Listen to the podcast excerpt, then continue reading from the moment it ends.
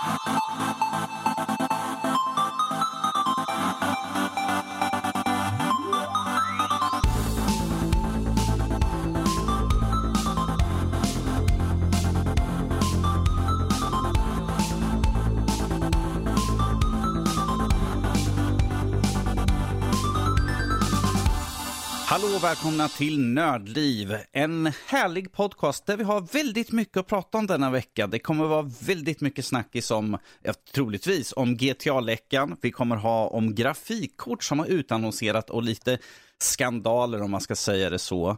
Eh, dagens avsnitt är 368 och när vi spelar in det här så är det den 24 9 2022 med bara några månader kvar till jul. Så lika bra att börja peppa nu för julrim och sånt och snackisar vi ska ha under december vad kommer vi ha för roligt att prata om då? Men det tar vi när vi kommer till det. Med mig idag så har jag Fredrik. Det är jag. Och så har vi lilla Jesper. Det är jag. Sa definitivt lilla jag. Det är jag, jag är också med. Var det fjant? Ja, mamma. Precis. Låter som Toad. Ja, det är nog inte många. Vi kommer ha som sagt mycket snackisar idag. Vi kommer även prata om lite demos som Jesper har testat på. Eh, lite avslappnande spel mellan andra tråkigare saker kanske. Och såklart massa nyheter. Så jag tycker att vi kan ju ta börja med att hoppa in på nyheterna på direkten här. Och den som vi redan har nämnt här nu är ju GTA 6-läckan som hände här nu ganska nyligen. Um, vi hade liksom att uh, uh, kom ut på Reddit med någon som lade upp massa länkar. De sa liksom att ja, men här är massvis med GTA 6-klipp. Eh, jag tror det var 90 klipp eller något sånt där.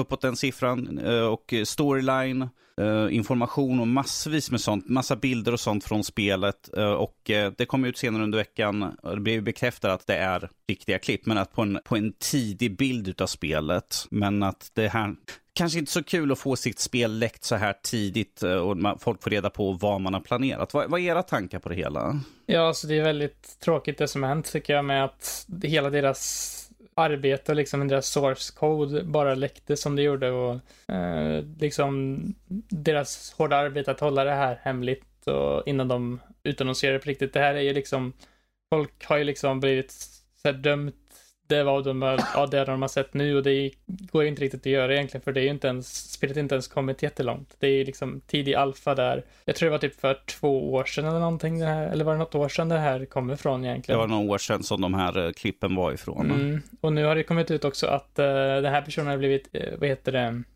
arresterad nu av Londonpolisen eller vad det nu var.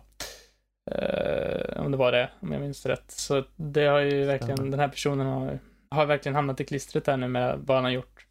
Eh, ja, ja tydligen var den här, eh, jag har sett 16 17-åring, 17-årig person Oj. som eh, är hackaren utav det här. Det är inte första gången han har tydligen hackat Nvidia, Microsoft, Samsung, Uber, Uber var det senaste han hackade som gjorde att han åkte in en stund. Och vad var det han hade, nu han hade precis kommit ut och så var det inom en månad så hade han, så hade han nu hackat här ju. Så att kan inte hålla fingrarna stilla. ja. Nej, det, han behöver ju både straff. Ja. Det är så här, det här är, den här är ju uppenbarligen en idiot.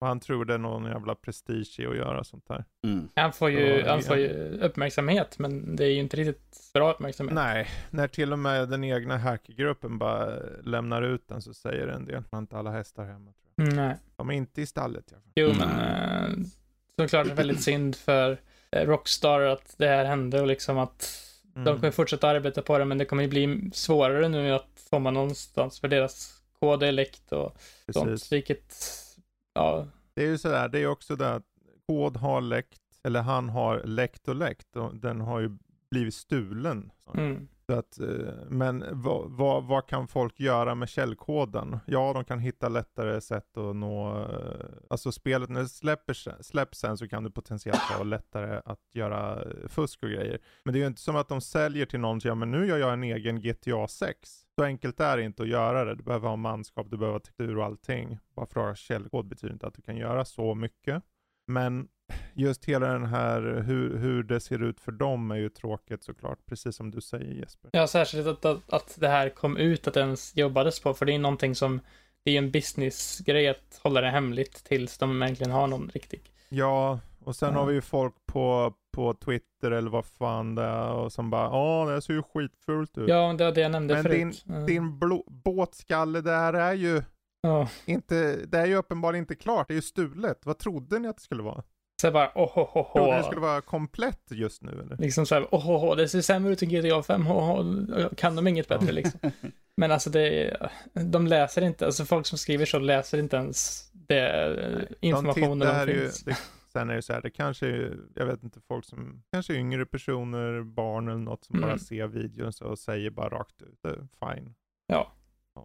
Men jag tycker en, en, en intressant sak som kom ut av den här läckan är ju att väldigt många i spelindustrin har ju kommit ut och ställt sig bakom dem och lagt upp eh, klipp på sina spel. Att här är liksom vårat spel i, när det var i tidigt eh, stadium. Och mm. visa upp. Titta, så här såg vårt spel ut när det var i betaversion. Kolla hur det ser ut. Det ser jävligt ut. Och, och så har de jämfört, här spelet, så här ser spelet ut när det släppt. Så ni ser att det ni ser just nu kommer inte vara den slutgiltiga versionen. Det kommer ju vara polerat, det kommer vara snyggt, du kommer ha liksom raytracing och allt sånt där. För att alla saker är ju inte i spelet. Det är ju bara en, eh, för det mesta är det ju liksom en snabb mockup med liksom karaktärer och sånt bara för att liksom plocka ut liksom hur ska banorna se ut, hur ska liksom eh, allt interagera med varandra. Det är ju så man bygger ett spel. Du har liksom klossar som du sätter ihop och sen sakta men säkert bygger upp till det fulla spelet. Men du kommer inte ha allt som behövs. Du kommer inte ha rätt ljussättning, du kommer inte ha musik eller någonting sånt. Ingen voice acting eh, ifall de inte har en mockup bara för att se hur dialoger, alltså i samtal, så här cutscenes och sånt. Men att allt kommer liksom byggas på och den sista tiden är ju då, eh, typ månader innan släpp, det är ju då allting verkligen kommer komma ihop till fullo ju. Det är liksom så här, nu måste vi få ihop allting, vi har allting, nu är det liksom bara att göra den sista biten och putsa på det egentligen ju. Ja, alltså det här spelet kommer inte släppas på jättelänge ändå. Alltså det skulle ju, det, det var ju en väldigt tidig liksom alfabild som inte riktigt säger någonting alls om spelet. Jag, tror till och med de har sagt att det var en pre-alfa. Ja. Mm. Som, som, som där klippen kommer ifrån. Så, och det är ju extremt tidigt skede liksom i ett spels utveckling. Ja. ja. hade det här varit typ eh, hade det här varit kanske ett år ifrån släpp, då kanske vi hade kunnat sagt en annan sak. Att oh, det är ett år kvar, det ser ut så här. Hoppas de eh, gör någonting bättre. Har liksom verkligen planerat ut att vi ska fixa med de här sakerna. Men att, som sagt, vi, spelet kommer inte komma på flera år i alla fall. Så det finns ju lång tid på dem att liksom ändra om, kanske strukturera om massvis med det som har setts ju. Det, kanske, det som de har gjort, som vi ser i klippen, kanske inte ens är en del av spelet längre. De har gjort om massvis, utseendemässigt och så ju. Ja, alltså de, så det funkar ju att de här vissa de här scenerna och sånt de är med i, liksom, det behöver inte betyda att det är med i spelet i pre-alpha. Det kan ju vara en test, uh, testrum typ, att testa saker i till och med. Mm. Så att det säger ju verkligen ingenting om fulla produkten egentligen. För de kan ändra så mycket på den här tiden de har nu och uh, ja, det är väl det. Ja, jag, jag, tycker det är kul för vi fick ju, för de har ju sagt att det här är den värsta uh, spelläckan i historien. Mm. Uh, jag, jag, hittade liksom när de skrev, när de har visat upp uh, andra saker som läckte. Half-Life 2, Cyberpunk 2077, Doom 3 och den väl mest kända på senaste tiden är ju The Last of Us 2 uh, som läckte ganska tidigt med storyline, uh, storybeats, vad som skulle hända, massvis med filmklipp uh, och där också och massvis med screenshots från spelet. Dock var ju Last of Us Part 2 läcktes ju typ någon månad bara innan spelet skulle släppas. Precis, det var men, inte samma sak alls. Liksom. Nej, nej, men att det var ju fortfarande en läcka som ja. var, de hade inte ens visat upp, de hade inte liksom kommit att nu, nu är redo att visas upp. Eh, det var ju det som var väldigt mycket av det. Och jag vet ju att, eh, för jag vet att det var ju massvis med kanaler som jag följde som visade upp läckorna, men att de blev nedstängda ganska hårt eh, då ju. Eh, sen finns det typ Pokémon som oftast läcker väldigt mycket i sina spel. Jag tror det var typ Sun and Moon som läckte så här fullutvecklade starter Pokémon jättetidigt liksom. Eh, mm. Och det kommer ju folk undan med jättemycket att de höll på med så. Så det finns ju alltså sådana liksom, när de utannonserat spelet att det släpps om bara några månader så är det mer liksom då, alltså det, sånt händer ju väldigt ofta ändå, men när det är så här pre-alpha, inte ens utannonserat, det är liksom jättemycket saker ändå som läcks från ett väldigt tidigt utvecklingsspel. Det är en, det är en helt annan sak egentligen. Mm.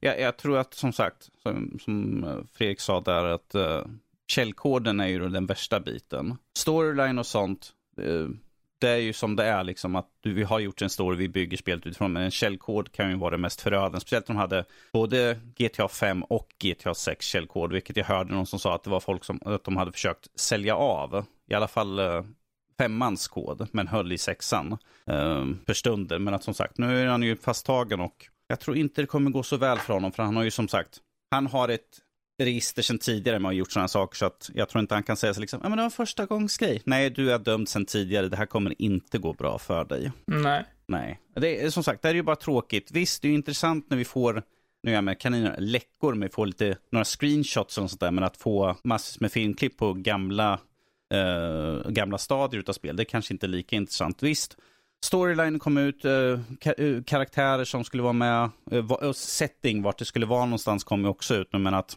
det, det hade ju liksom redan kommit, varit ryktat som ändå sedan tidigare, men att nu är det ju mer eller mindre bekräftat ju.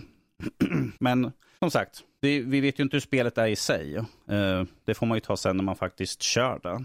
Sen kan ju storyn och sånt ändras. Alltså inte kanske eh, hela grundkonceptet och sånt med storyn, men jag menar typ story beats och story saker kan ju ändras också under tiden. Liksom, det är en iterativ process. Det kan ju, de itererar ju på de här grejerna väldigt mycket. Liksom.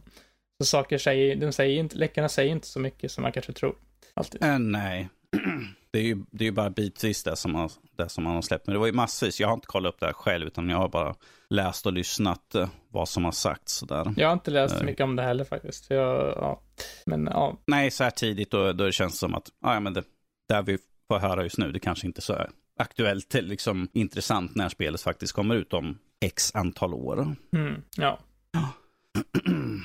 men som sagt, väldigt tråkigt, men att Ja, så är det ibland. Att jag tror att alla företag får beefa upp sina säkerhetsåtgärder. För det här var tydligen att det var att de hade hört av sig till någon uh, i någon sån här slack, alltså sån här internt som de hade kommit åt. Och sagt du bara, ja, jag, har jag har inte min nyckel för att komma in på, på min, mitt konto. Och så hade de fått ut av någon som inte tydligen var så uppmärksam och kollade upp. Som, ja, men han skriver i våran kanal så då måste det vara genuint. Jag tror det var så här, det, läst av vad släckarna också var. Någon som Men, klantade oh, sig helt enkelt. Någon som klantade sig, ja. Och med, plus att de, de, eh, som sagt, väldigt många, vad jag förstått, så jobbar ju väldigt fortfarande väldigt många hemma, hemifrån. Så att det är ju, de kör ju online allting. Så då är det lättare att komma åt. Så det här kanske, det här kanske får konsekvenser att ja, men ni måste komma in och arbeta. Det kan inte vara uh, sitta hemma och arbeta. Måste vara inne på kontoret liksom i våran säkra nätverk. Uh, säk, säkra nätverk, precis, internt. Jag kan förstå. Men... Det kan ju vara en stor grej eftersom att alla har olika nätverk och de nätverken kanske har olika säkerhets, eh, ja, säkerhet på sig. Liksom. Eh, mm. Någon kanske glömmer att ha någon säkerhetsåtgärd då, liksom när de jobbar hemifrån. Precis. Eh, det här var ju inte den enda läckan som var här just nu. Vi hade ju även en stor läcka från Diablo 4.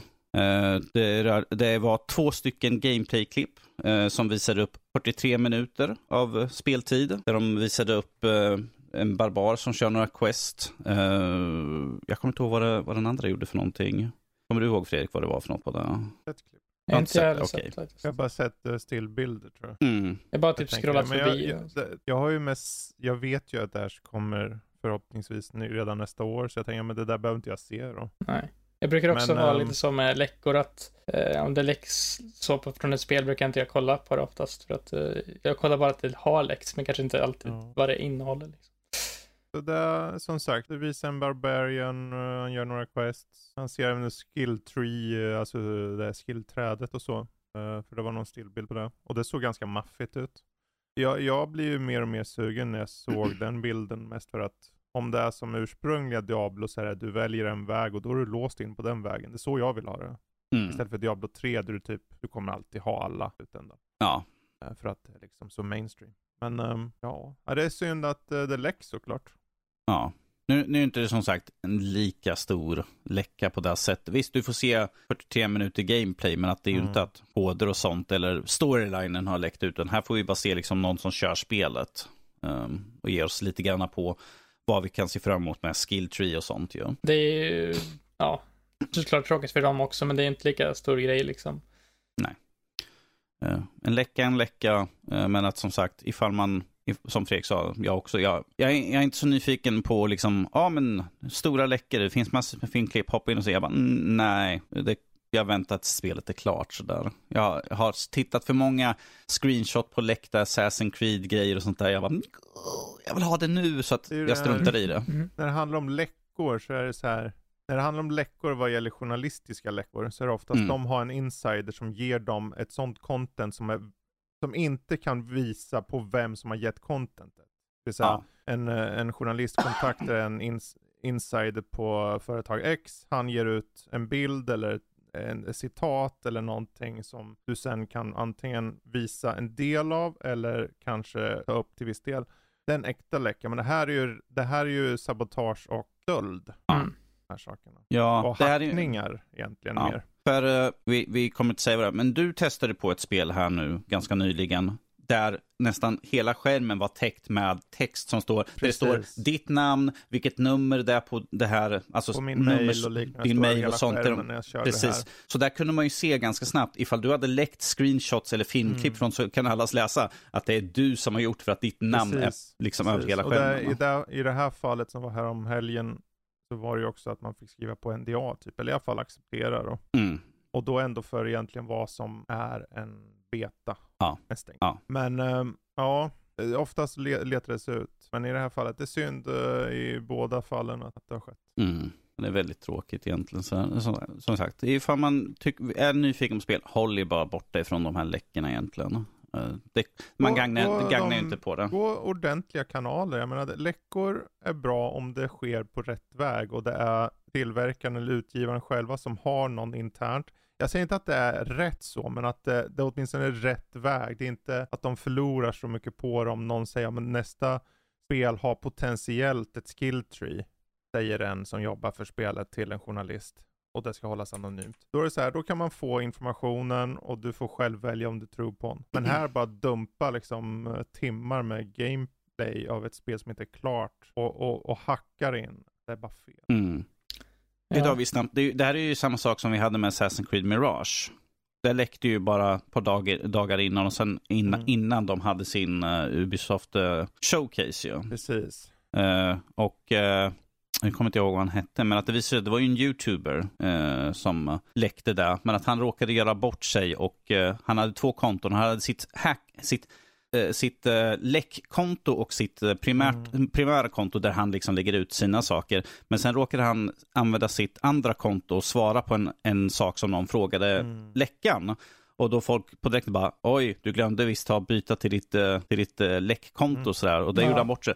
Och allt han har läckt har ju varit under NDA, så att han är ju slut i spelindustrin som journalist på något sätt. Han har ju gjort bort sig så hårt. För han var ju, jag tror att det var han som läckte Assassin's Creed, för han hade ju fått vara eh, han och många andra hade fått komma dit, skrivit på NDA, sen hade de fått sett om alla uh, Assassin's Creed Red och vad de andra kodnamnen var. Så de hade ju fått sett mm. liksom de spelen, de hade fått sett uppvisningar, de hade fått sett gameplay och allt sånt där och fått hört vad planeringen och sånt är för någonting. Men att de får ju inte säga det, förutom som sagt, NDA, du får liksom, du får titta på det, du får all information, men du får inte säga förrän datum X. Och här läckte han på typ dagarna, dagarna, bara dagarna efter så läckte han allting på sitt alternativa konto. Vilket, och nu när det kom ut, han har till och med erkänt, han har sagt, han har bett om förlåtelse fast det är mer, jag är ledsen att jag blir påkommen. Och jag ska, jag ska ta ett steg tillbaka för att, ja, det, du har inte så mycket val. YouTube. Ja, ja alltså, de, de gör ju bara som för klicks och liksom views liksom. Ja, ja skitsamma. Ja, skitsamma. Vi, om... vi hoppar vidare. Uh, jag, jag tar lite andra innan vi kommer till nästa stora ämne. Uh, det här tyckte jag var intressant. Uh, vi kommer få ett nytt Iron Man-spel, vilket jag tycker är intressant. Det är Motive Studio, som är under EA, som har utannonserat att de kommer göra ett nytt Iron Man. Uh, kommer att vara tydligen i tredjepersonsvy. och det leds av Oliver Pollux som jobbade till exempel på Marvels Guardians of the Galaxy. Uh, jag vet att du var ju förtjust i Marvels Guardians of the Galaxy, Fredrik, så det är väl ett gott tecken. Uh, han jobbade uh, också på Star Wars Squadron och håller även på med Dead Space-remaken som ska släppas om inte mm. allt för lång tid egentligen. Nej, det är ju nu på våren. Precis.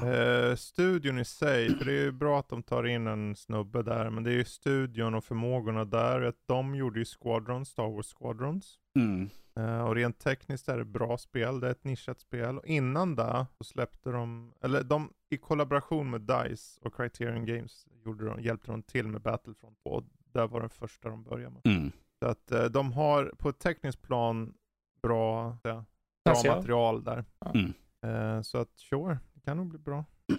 Ja, jag tycker det blir intressant. Jag menar, Spiderman har ju verkligen visat upp liksom hur bra ett serietidnings spel kan bli egentligen. Och vi kan ju hoppas att det här Iron Man kan bli någonting Angry On. Jag menar, de har ju redan uh, flygmekaniken och där från, uh, vad heter deras nedlagda spel nu? Anthem. Anthem. Ja. För, det, det, för det, när jag tittar på jag bara, Iron Man, det ser ut som det är Iron Man. Så de har ju redan den mekaniken Om som de, de kan använda. Om de kör på den motorn. Om de kör på den, precis. Jag, jag, tror inte de kommer köra på den motorn. Jag tänker mest ju... på att de, ifall de tar och utnyttjar att några har liksom gjort ja. det här systemet så att de kan ha en annan motor med att de kan använda typ det här systemet av hur karaktärerna rör sig, flyger och så. Inte det Bioware? Bioware. De behöver ju få, jo, de behöver ju få hjälp då från Bioware. Men det, alltså, det, jag tror det finns goda chanser att det kan bli något bra. Det som talar emot egentligen att de har väldigt kort tid arbetat på spel. Först gjorde de ju de backup egentligen på Star Wars Bat 2. Och sen var mm. deras första spel Star Wars Squadron. Och det var ju 2020. Mm. Och Dead Space har ju inte släppt sen. Så att, men det, någonstans säger det, okej okay, men de har, uh, det finns tilltro på det här. Och jag tror mycket har hänt sen uh, de här Respawn fick en ledande roll. Jag glömmer bort vad han heter, han som styrde. Men det, ja, det borde gott. Uh, studion har egentligen alltid sagt, för de, de startade med Jade Raymond ursprungligen den här. Och då var fokuset på action-äventyrsspel. Tänker du på mm. Vince Sampella? Han är CEO i alla fall över Redspawn. Jag vet inte, kanske. Uh, ja. Ja, uh, jag tycker det var intressant. Jag vill bara ha med den för att uh, jag bara, ja, ah, ett nytt superhjältespel. Jag klagar inte. Nej, kan bli bra. Nej. Här är, här är ju också ett, eh, notera här, rykte. Eh, det här är då, vi fick ju samma rykte med från Australien att de skulle ha en eh, mer slimmad version av Playstation 5. Eh, och nu får vi rykte om att de kommer få en Playstation 5-variant som med en, en eh, löstagbar skivläsare. Just det. Uh, och det här är ju att istället för att tillverka en med skiva, en med utan skiva, en rent digital, så gör de, har de en, en eh, enhet som de tillverkar, men att du kan då lägga till eh, spelare eller inte. Det är dumt att släppa två stycken samtidigt. Jag tycker att istället använda resurser och göra en enhet. Precis som Xbox har Series X som en deras om. Visst, de har ju Series S, men det är ju liksom en billigare budgetvariant mer eller mindre. Men att Playstation har ju liksom disklös med disk. Onödigt att ha två stycken varianter istället fokusera på att göra en och sen kan folk köpa till sig ifall de vill ha skivläsare. Uh, tydligen är det också att man ska ha en, att man har en plate på ena sidan som man då sätter på så att diskläsaren integreras och ser snygg ut istället för bara liksom en, en extern som ligger vid sidan av.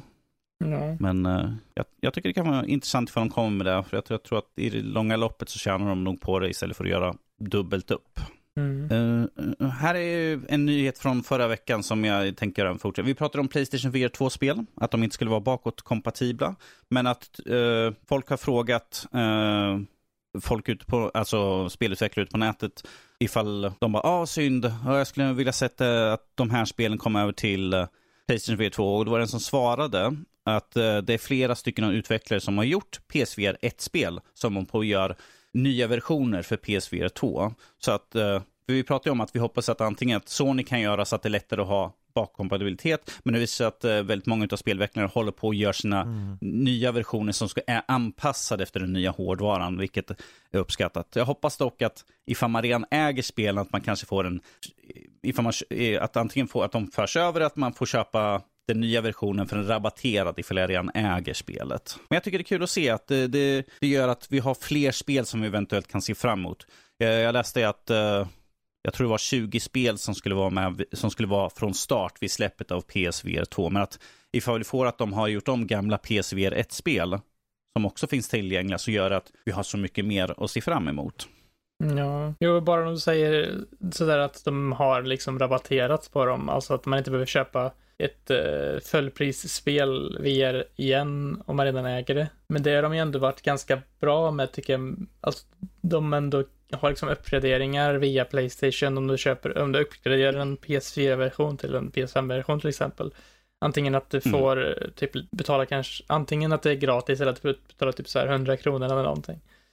Ja, gratis tror jag de har tagit bort nu, att uppgradera ja. till PS5-versionen. För att jag tror Horizon var det sista som släpptes, ja. uh, som du, där du fick gratis. Sen sa de att det här är det sista spelet, resten kommer, få, kommer ha en kostnad på sig. Men det är inte så hög ifall jag inte missminner mig helt Nej, fel. Nej, alltså det är typ så här 100 kronor ungefär. Typ God of War väldigt, fast, precis, fast väldigt många spel som säljs är ju både PS4 och PS5 versioner i ett, alltså en bundle när man köper vanligtvis. Så att, ja, om du köper det typ- digitalt typ, det, tror jag. Om man köper digitalt, ja. Eh, på, jag tror att på deras egna så kanske det är att du PS4 eller PS5 så att de kan få den eller snabbt. Men jag tror att eh, tredje parts brukar ha en bundle så att det är båda versionerna i en för ett pris. Ja.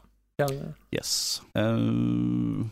Ja, just det. Jag kommer inte ihåg ifall vi har pratat om det, men jag vet att jag pratade vid sidan av med dig Fredrik, där att eh, Babylons Fall läggs ner.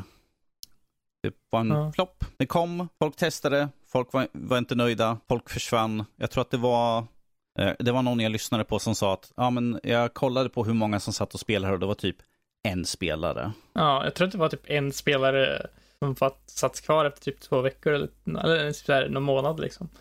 Mm. Uh, alltså det är och... väldigt tråkigt hur det gick för det spelet tycker jag. För att det är ändå potential med Platinum Games. brukar ju göra ganska bra kvalitetsspel med Bayonetta, Vanquish, uh, Metal Gear Rising, Astral Chain, liksom, Nier Automata. Och att de nu ja. gick till den här nya live service-modellen. Jag tror inte riktigt det var deras stora grej. Jag tror att de inte riktigt fick den friheten och den, det de, vill, det de gjorde bäst kunde de inte göra den här grejen liksom. Ja, det mest tragiska är att det släpptes ju den 3 mars i år. Ja. Det, det läggs, läggs ner i november eller något sånt? Nej. Uh, de, uh, ska vi se, 29, 29 oktober, november så stänger de ner. Då avslutar de också säsong två. Uh, sen, sen, är, sen är det liksom slut på det roliga. Jag tror inte jag har hört om något spel nästan alls som har haft så extremt kort liksom innan de stänger ner något. För att det är liksom, det är inte ens gått, det har typ gått ett halvår mellan mars och det liksom. Inte ens ett år. Eh, ja. ja. det är rätt sjukt tycker jag alltså hur, eh, hur stor flopp det spelet var. Ja, och plus att de eh, sa ju för inte så länge så att nej men vi ska, vi ska fortsätta arbeta på spelet, vi ska hålla det vid liv länge nu, vi ska, det ska liksom, vi ska arbeta hårt så att folk ska bli intresserade och komma tillbaka och vilja spela spelet. Och nu kom de ut att nej, vi lägger ner.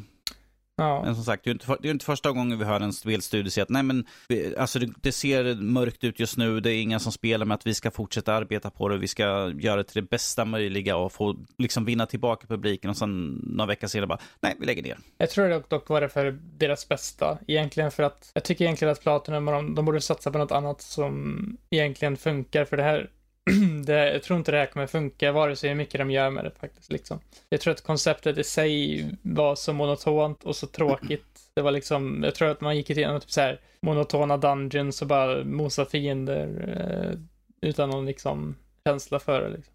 Det jag hört om det var det verkligen så här att det finns ingen saving eller inget, inget kan rädda det här spelet egentligen. Liksom. Det, det, är ingen av er som har testat på den? Nej, jag var faktiskt, jag laddade faktiskt ner en demo innan det släpptes. Men jag, jag hann aldrig starta det. Uh... Jag, jag, hade också demon nedladdad, den låg jätte, i flera månader. Ja. Jag bara, nej. nej. Det, nej, jag tar bort den. Så det, ja, det jag har så mycket annat.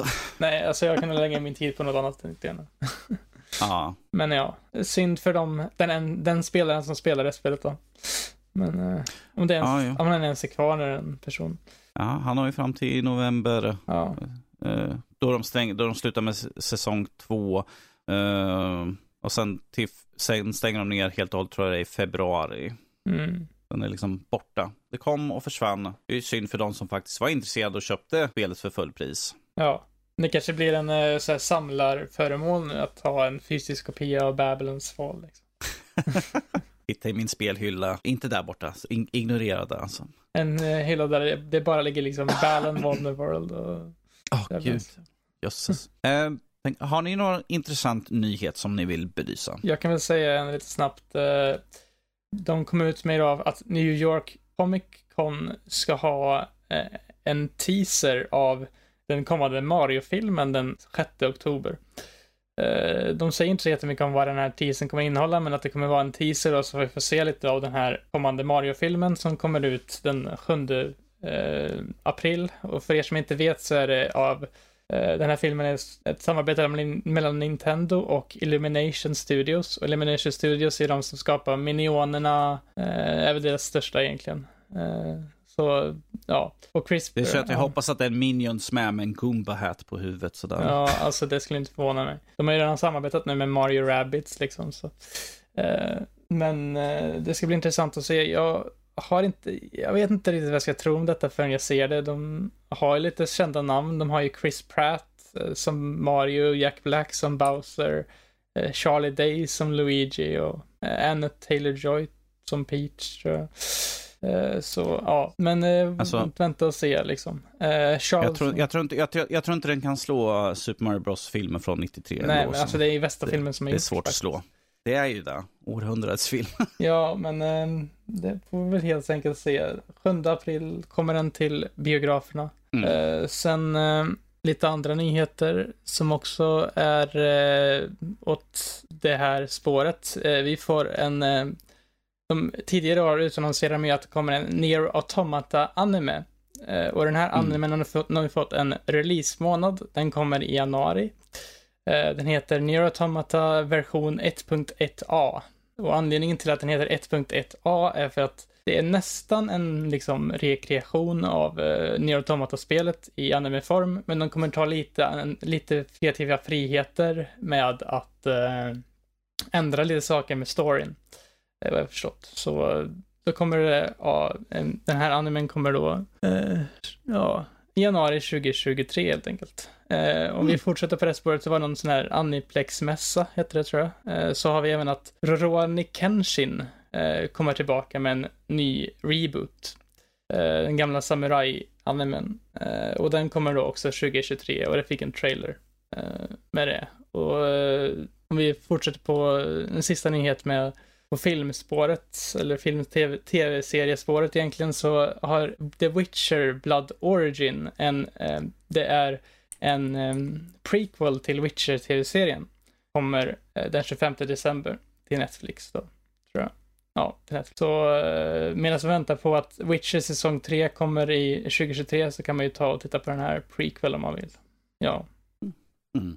Eller ska riva av en sista nyhet jag hade också. Det var en spelnyhet. Du, du kan ta riva av den också. Sådär. Yes. Uh, det var ju Tokyo Game Show förra veckan. Det var många som förväntade sig att Final Fantasy 16 eh, skulle ha eh, en, eh, liksom, en trailer där, någon ny trailer. Men det visade sig att det hände ju inte. Men Yoshi P, han som är director av Final Fantasy 16, har nu kommit ut och sagt att, uh, att, man ska för, att vi ska förvänta oss en trailer som kommer i oktober. Uh, så det kommer nog inte dröja så jättelänge när vi får en trailer egentligen. Han sa ju redan efter han hade haft trailern i sommar 2023, eller 2022 då, när han hade den här State of Play, sa mm. han att det skulle komma en ny trailer med, som visar lite mer av spelet i, på hösten. Så det är inte så oväntat, men uh, det kanske kan också tyda på kan den här Sonys eh, riktiga showcase vara i oktober tro? För eh, vad heter det? Eh, de hade ju en State of Play, men de har ju verkligen inte jättemycket annonserat och kommer med liksom första parts, förutom God of War Ragnarök som eh, kommer ju 9 november, men utöver det liksom har de inte jättemycket alls förutom kanske Spiderman 2 som ska komma någon gång under 2023, men de har inte visat så mycket av det. Liksom. Det känns ju som att de borde ju ha någon liksom större showcase där de visar sina stora titlar. Liksom. Eh, men ja, det var väl egentligen det som jag hade kommit med på nyhetsfronten just nu. Mm. Ja, Fredrik, vad har du för nyheter? Ja, vad har jag egentligen? Vad har du på din lista? Eh... Massa text. Ja, nej, det är väldigt lite. Jag har uh, egentligen bara det de här uh, grafikkortsgrejerna. Mm. Jag tänker EVGA först då. Eh, yes. Kanske ni, jag vet inte om ni känner till EVGA, de, de gjorde, eller gör egentligen då, grafikkort. Eh, de har hållit på sedan 99. Jag kommer fortfarande ihåg när de utannonserade och hade något sånt här TNT2-kort som kom då runt 99. riktigt old school. De har mm. varit partners till Nvidia sedan dess. Och de meddelade att de lämnar grafikkortsbranschen efter 22 år och eh, mer eller mindre så är egentligen vad det anspelar på att Nvidia är arslet. Mm. Och de gör det ett par dagar innan Nvidia ska visa upp sina nya kort. Och det är en tydlig markering från deras sida kan man säga. Um, så att de, de har 30 i serien just nu, så det finns i butik att köpa. Uh, men när det tar slut på kort uh, i den här serien, så kommer de helt enkelt inte finnas kvar. De kommer ha kvar mängder av uh, säga, garantier och liknande finns. För det är något de har varit väldigt kända för att ha väldigt god garanti. Mm. Men eh, därefter är det slut för dem. Och där är så här, det här är alltså ett företag som heter EVGA, som betyder Extreme VGA, alltså extrem grafik. Men de slutar med grafikkort. De kommer istället fortsätta på de andra sakerna de håller på med och framförallt då nätaggregat. Vilket är intressant för att 70, runt 70% av deras eh, eh, omsättning är grafikkort och runt 20% är nätaggregat. Men de rent vinstmässigt är lika stora ungefär. Mm. Ja, ja. För att Nvidia har, det är ganska hård konkurrens så att eh, den här så kallade boomkostnaden, alltså bill of material, det vill säga det kostnaden mm. att göra kortet och den bit som du får ut i vinst är så pass liten på grafikkort så att de har mycket bättre marginaler på sina nätaggregat. För att där har de ingen partner eller någon som ger dem krets, kretsar till nätaggregatet. Hej, ni måste sälja för den här nivån. Och sen att det framgick att, ni vet så här, när ni, om du jobbar med en industri och du ska tillverka bilar. Men i den här industrin, det här är en liknelse nu, så kommer du inte få de här beståndsdelarna visat för dig förrän de du köper beståndsdelarna av har, en, har ett pressevent och säger nu kommer de här snart. Så här fungerar det för Nvidia. Att Nvidia, när de utannonserar som de gjorde häromdagen, sina nya kort, det är samtidigt som tredjepartstillverkarna får reda på det i regel. Och då måste de anpassa priser, de måste påbörja produktion för att när de säger, men nu i, vad är det, oktober eller när nu Nvidias kommande grafikkort kommer, då ska de redan ha produktionen igång. De ska redan ha tusentals på tusentals grafikkort klara för att mm. folk ska köpa. Det är ganska rutten taktik från Nvidia. För de säger att de vill minimera liksom läckor och sånt. Men om, om i det här fallet så är det till exempel att eh, de här tredjeparts grafikkortstillverkarna har fått kontakta recensenter för att få drivrutiner. För att de inte får drivrutiner. För de, Nvidia är rädd för läckor. Då har de nog dragit lite för långt egentligen för att om de inte kan producera det liksom. Nej, hur ska, nej, liksom. det är så här, vi får inte reda på det, vi får reda på det samtidigt som publiken och då är det, då ska ju, då blir folk hypade, de, men nu ska vi köpa det här och de, okej okay, nu måste vi ha, först måste vi ta fram på hur fläktar och hur kylflänsor och allt vad det heter ska fungera. Så att vi kan få ut ett kort. De måste göra så här pre, så här mockups liksom, mm. vad de tänker att det kan vara i vissa fall får de, de får ju en slags grundläggande struktur på hur kortet ska se ut. Det får de i förväg. Men de får inte reda på priser och grejer. Uh, så att det, det EVGA lägger ner är den stora och det är bara ett par dagar innan det här andra nyheten nu som är att Nvidia då avtäckte sin 4000-serie uh, eh, som då har namnet Ada Lovelace. De har ju namn efter kända så här forskare och sånt. Uh, och de här korten, för att de då, just nu så har ju mer eller mindre hela grafikkortssidan kraschat i det att uh, de här, vad heter det, kryptovalutan ethereum mm. Mm. har gjort så att alla grafikkort är onödiga ens att ha där för att det är en helt annat sätt du får pengar. Det här är ju en jättestor grej. Uh, och det har börjat gå vidare till andra typer av uh, kryptovaluta. Så att andrahandsmarknaden fylls upp utav helskotta just nu. Herregud, jag såg på Tradera. Det, folk kan inte ens sälja 30-90-korten för reducerade priser. Och det är alltså kort som kostar 25 papp förut. De är så här, ja men 7-8 eh, tusen då, går det? Nej, det är ingen som köper. Oj, det var inte länge sedan de kom. Nej. Nej, det är två år sedan ungefär. Men ändå, det men, inte, nej. Och grejen är, varför är det så då? Jo, för när de gör den här utannonseringen så utannonserar de tre kort. De utannonserar ett nytt kort som heter 4090. Och det har ett svenskt riktpris på över 21 000 som är under då föregående generations 90-kort mm. som låg på 25. Och det är ju bra kan man ju tänka, men det är ju neråt. Men det är fortfarande 21 000 kronor för ett grafikkort. Det är mm. rätt mycket pengar om man tänker så. Om man tänker typ så här, ja. man köper en konsol till exempel, 5, eller 6 000 för en PS5 mm. liksom. 6 000 gånger, eh, vad blir det? 3, du, du får typ fyra, fyra Nästan stycken. fyra stycken. Mm. Liksom. Mm. Och det är så här, ja alltså, ja, den här Boomcast som heter Bill of Material, den är, den är högre än generationen för att den har en annan typ av arkitektur. Men det är ju riktat mot en marknad som är bara entusiasmer, entusiaster på 40, 4090. Och det är fine. Låt dem köpa det då. Och de kommer köpa det. Mm. Men sen utannonserar de 4080 i två versioner. En på 16 gig och en på 12. Och då tänker ju Jesper så jaha ja men då tar jag den på 12 för den är ju likadan, det är bara att den är mindre minne. Men det visar sig att det, det är ett annat kort egentligen. För att den har mindre kärnor, den har alltså färre kärnor, den har lägre hastigheter, den har allting reducerat och det är på en annan kretskort som egentligen står för samma kretskort som var 70-serien. Bara att de har valt att döpa den till 4080. Med andra ord, de vill höja priserna för att i samma utannonsering av de här 40-serien så linar de upp 4090, 4080 och 30-serien för att de behöver pusha ut dem fortfarande. För att det är så mycket i lager sen eh, den här kraschen på kryptovaluta och eh, allt tillsammans. Så att de kränger nu i sin release så har de fortfarande med 30-serien. Det har de aldrig gjort förut, mig veterligen. Särskilt liksom efter att de här åren, det senaste, att det varit väldigt svårt att få tag på komponenter och komponentbrist och liksom.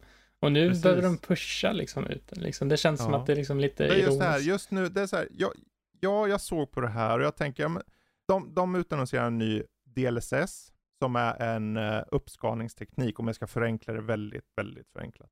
Och den ser ut att vara, den kunna utöka, om du kan köra 4K på runt i Cyberpunk på högsta nivå på allting med raytracing på runt 100 FPS. Där kanske förra generationen klarar runt 20 till 30. Alltså den, kommer, den klarar ju knappt att visa en bild i taget. Och det, det är imponerande, men den tekniken är lite fuskig, för den skjuter in egna frames. Den skapar frames, så att det blir en latens på det. Det låter Sen inte så bra. säger de att ska, ah, det jag vet inte, jag vet ingenting än så länge, för jag har inte testat tekniken. Kanske det flyter på jättebra. Men det här är ett säljargument för dem i alla fall att köpa då 40-serien för att bara de kan ha DLSS 3.0. Du kan inte ha det på föregående generation. Så att man bara okej, okay, men om jag som köpte så här förra generationen eller någonting, vad, får jag inte testa? Nej, du kan inte köra, du måste ha nya. Var det det som visades en Portal, det var någon ja. Portal-video som jag såg som såg väldigt imponerande och snygg ut. Eh, Precis, uh, Portal, RTX Portal uh, kommer släppas. Ja. Och då, om du äger Portal idag så kommer du få det gratis. Ja. Um, ja, det finns ju mycket nyheter i det här, men poängen i slutändan är det finns nya kort. Jag tycker att det är lite överdyrt. Mm. Och alla, jag, min enda uppmaning är, det är inte att stoppa er och köpa grafikkort. Det är bara avvakta till den 3 november, för då kommer AMD visa upp vad de har. Och nu för tiden så är det nog snarare så här, tänk vad är pris kontra prestanda? Hur mycket prestanda får ni för ett så lågt pris som möjligt? Och det kanske är där ni ska kolla på. Särskilt med tanke på att Nvidias sida här, deras eh, strömkrav är inte att leka med. Ni behöver ha typ, jag skulle tipsa, tippa på att ha minst 1000 watt i datorn. Och då tänker ni, men 1000 watt, det är väl lite dumt nu när elpriserna skjuter upp i höjden. Ja, precis. Det är en sak att tänka AMDs. på också. nu. Oh ja, oh ja. Uh, ja, jag vet inte, det blir lite halvrantigt. Det finns många detaljer och korten i sig, det är inte som att man köper ett sånt här kort och säger ja det här är ett dåligt kort. Jag menar, skulle Danny ha 4090 då skulle han ju köra allting 4K på 100 FPS utan problem säkert. Och han skulle vara så nöjd när han sitter där. Oj vilken så här. Han, han är inte bara VR-norsken då, han är Nvidia-norsken. Jag är prestanda-norsken. PC, PC Master Race-norsken. PC Master oh, Race-norsken. Ja. Så det är inte dåligt på, de är säkert inte dåliga, men de är felprisade känner jag. Och jag säger bara, min uppmaning, avvakta till 3 november, se vad AMD har. Eh, jag, det största jag tar ifrån det här är att Nvidia är ett par är lite fula i kanten. Mm. Mm, först, då med, först och främst då med EVGA och sen att de har döper ett, 30, ett 4070-kort som ett 4080 för att kunna, mm. vad, vad, jag kommer inte ihåg, vad sa vi, 300 dollar mer eller vad var det för någonting? Ja. I, i, i, i, ifall vi kollar på föregående generation att det var typ 300 Precis. dollar emellan de två olika 3070 kontra Ja, i regel så ligger ju 70-serien har ju historiskt sett legat någonstans mellan 5, 6, 600 dollar till 700 dollar. Okay. Uh, och nu så, i och med att de döper om den då till 4080 så kan de ju lämpligtvis höja priset. För 4080 är ju 80-serien och 80-serien är alltid dyrare. Mm. Så dess uh, amerikanska riktpris eller lanseringspris är 899 dollar, så är det 900 dollar. I Sverige så är det ju det här som jag, priserna för 4080 är, börjar på 12 200 på 12 GB versionen och 16 GB versionen av 4080 börjar på 16 100 119. Ja. Det är ju, ja, och det är så att de lever kvar i den här världen som var för ett och ett halvt, två år sedan. Och det, de har fått smak för det. Men jag mm. tror att det bästa som kan hända, det ser vi just nu. Mar andrahandsmarknaden blir full. Eh, de här eh, affärerna, typ webbhallen och komplett och allt vad det heter. Försök att kränga de befintliga korten men kommer förhoppningsvis ha svårt för det. För om de har svårt att sälja de gamla korten till gemene man så blir det ju ännu svårare att köpa, eh, att sälja mm. högpresterande entusiastkort till gemene man. För gemene man köper inte 4090 för 20 plus tusen. Det gör specifikt utvalda personer. Så om ingen köper förutom de här personerna som köper 4090 och som är ett par stycken i Sverige, då är det ingen som köper något och vips så ligger mängder av kort och de måste sänka dem. Så Black Friday. Om du är ute efter grafikkort i år, håll ut till Black Friday och se om du får något bra klipp. AMD framförallt har jag sett har väldigt bra priser på mm, sina kort ja. just nu. Så, annars så, jag, jag vet inte, jag har inte något mer över det. Ni tog eh, några av dem som jag tänkte ta upp så det är perfekt. Eh, jag hade tänkt gå in lite på DLSS 3 som egentligen är en ganska intressant teknik. Men vi kan spara till någon annan gång. Ja, som sagt, vi kommer ju prata mer grafikkort här framöver ändå. Jag menar mm. när korten kommer ut eller runt omkring, där, när vi får lite mer kött på benen ja. och hur, hur väl de faktiskt presterar när ja, folk har fått testa runt på dem. Jag hoppas ju att vi med våra kontakter kan få testa några av de här korten. För att det är inte som att, som sagt, korten är säkert är dåliga. Det är bara att priset mot vad du betalar liksom och så eh, känns lite iffy. Mm. Yes. Ja, gud ja. De priserna, då förväntar jag mig guld och gröna ängar nästan sådär ju. Och inte se mig med ett sånt dyrt kort. Men om vi då kan hoppa över till vad vi har sett och vi har spelat för någonting. Och då tänkte jag uh, slänga fram det för att jag vet att ni båda har testat på det, uh, Fredrik och Jesper. Metal Helsinger. Yes. Jesper, vi kan, vi kan börja med dig. Vad är dina tankar angående Metal Helsinger? Och vad är det först och främst för typ av spel? Metal Helsinger är ett metal musiks rytm eh, shoot, FPS-spel. Eh, det tänkte typ, som vi sa förra veckan när Max pratade, tänkte typ Doom blandat med ett med så här rytm, att du ska skjuta i takt till musik. Och att den här musiken är från en del, eh, ja, ganska kända metalband som till exempel Cult of the Lamb och lite sånt. Eh, du spelar som The Unknown, en demon som har förlorat sin röst till The Judge, som är en Typ ledare i... Typ djävulen. Typ djävulen, ja. Eh, och eh, ditt mål är att besegra hennes undersåtar och eh, ta tillbaka rösten helt enkelt. Eh, jag tycker att jag körde igenom det här spelet på typ så här, tre timmar kanske. Jag tyckte att det var ett riktigt eh, nice och roligt spel att spela. Eh, spelet har ju liksom, det kanske inte är så jättelångt, men det har ju ändå ganska mycket omspelningsvärde om man vill så, för det är så här high scores för varje bana. Som du Eh, liksom håller så här eh, din rytmmätare, eller fury-mätare heter det, eh, på så hög nivå som möjligt så får du mer poäng till exempel. Om du inte gör fel och liksom sånt. Så det finns, ja, en del att göra. Jag tycker om de här mellansekvenserna som finns i spelet också. Det är eh, så här handmålade mellansekvenser som ger mer story och djup till karaktären. Och man får lite mer, ja, vad som händer mellan varje bana och varför du gör det du gör liksom. Jag tycker det var väldigt uppskattat till någonting som kanske inte riktigt är något man tänker först när man tänker det här spelet.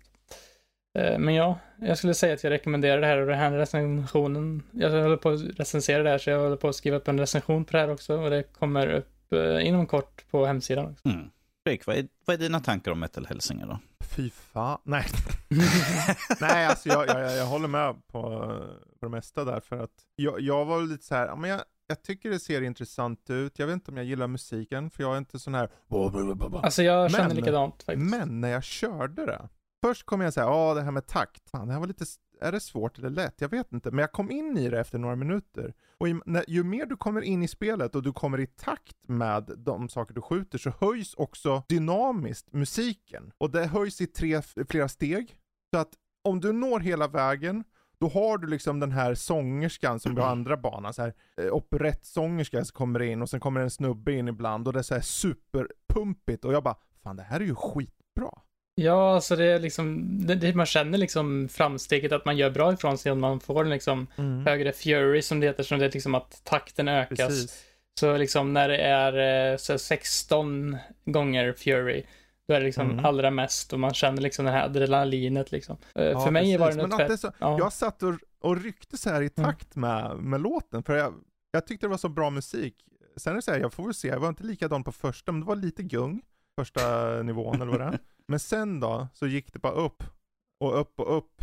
Och jag bara tänkte, fan Och det här är på Game Pass. Det här borde nästan, varför gör de inte mer reklam för, för det här på Game Pass? Det här är ju fan skitbra ju. Ja. Den är så här, för, för jag tänkte så här, men det här måste vara nischat. Jag tänkte, så här, ska jag säga till Danny, du måste köra? Han bara, ah, vadå, jag gillar inte massa uh, bippity bop och rockity Du, du vet att jag har inte ett uns rytm i kroppen. Det har inte jag heller, för jag missar en del. Uh, men det är ganska förlåtande och du kan dra ner på svårighetsgraden på ett sätt som gör att det, så här, det är bara en skön stund i, i, relativt bra rytm. Ja. Och diggar man musiken då så är det så här, okej. Okay. Och tempot i, i actionen får man osökt tänka på typ Doom, mm. uh, rebooten här från 2018 eller vad det. Jag skulle säga att själv, själv så är jag tvärtom från er med det, att jag är kanske mer typ så här, jag är bättre på rytmgrejen än jag är på FPS-delen egentligen. Mm. Så det blir liksom att, eh, ja, men jag tycker inte att det är liksom, alltså det är mer av ett rytmspel än av det ja. av ett FPS-spel egentligen. Alltså det är liksom inte att du ska... Jag ja. jag, för mig kände jag att det var som en stor fördel att jag gillar FPS, men också att jag gillar musik. För att om du inte gillar eh, FPS, så är musiken en genväg in. Om du gillar FPS men är lite osäker på musiken, så, så är det som att det hjälper varandra. Det hjälper hela tiden. För jag var så här i början, ja men lite osäker, men okej, okay, jag hoppar in. Och så visade det sig ha en story som jag tycker faktiskt hittills, jag har inte kört igenom den. Om det här var faktiskt genomtänkt, välproducerat, eh, snyggt och, och spelet flyter på jättebra för mig också. Så att jag bara satt där och blev underhållen på det där absolut bästa sättet. Ja. Så jag, jag håller med bara om att det, har ni tillgång till det här på Game Pass, kör det. Om ni sitter på Steam finns det ett demo, testa det. Ja, och sen så har vi ju eh, lite kända skådespelare som, jag tror att det är Jennifer Hale som spelar, mm. är det The Judge tror jag? Sen är det, alltså som är den här djävulen då som du ska möta och mm. eh, Troy Baker spelar eh, Pass som är en eh, kompanjon, en dödskallekompanjon du heter i spelet. Som du kan använda för att skjuta med om du inte har ammo till din andra vapen du får. Du låser upp olika vapen under spelets gång eh, på banorna. Jag tror det är typ fyra, fem vapen du kan låsa upp. Till exempel en armborst eller typ så här pistoler eller ja. Du har ett svärd och, en, och han, den dödskallen hela tiden men du kan byta lite din loadout varenda bana också. Som gör att, mm. eh, ja. Det, det finns... Jag det är tror, kul ja. att slakta i takt. Ja. Alltså jag tycker att det var eh, väldigt underhållande. Jag var inte så jag är inte alls jätteförtjust i den här growling-grejen egentligen. Men jag tycker ändå att just den musiken de har valt ut här ändå är riktigt bra. Så, ja. Absolut, absolut. Så jag, jag rekommenderar verkligen det att ta en närmare titt ja. på detta. Och just den här intensiviteten som blir och man blir så inne i det. Jag tyckte, jag, jag vill köra mer, jag har bara inte haft tid. Eh, ja, och sen precis som du... ironiskt för jag har kört andra spel.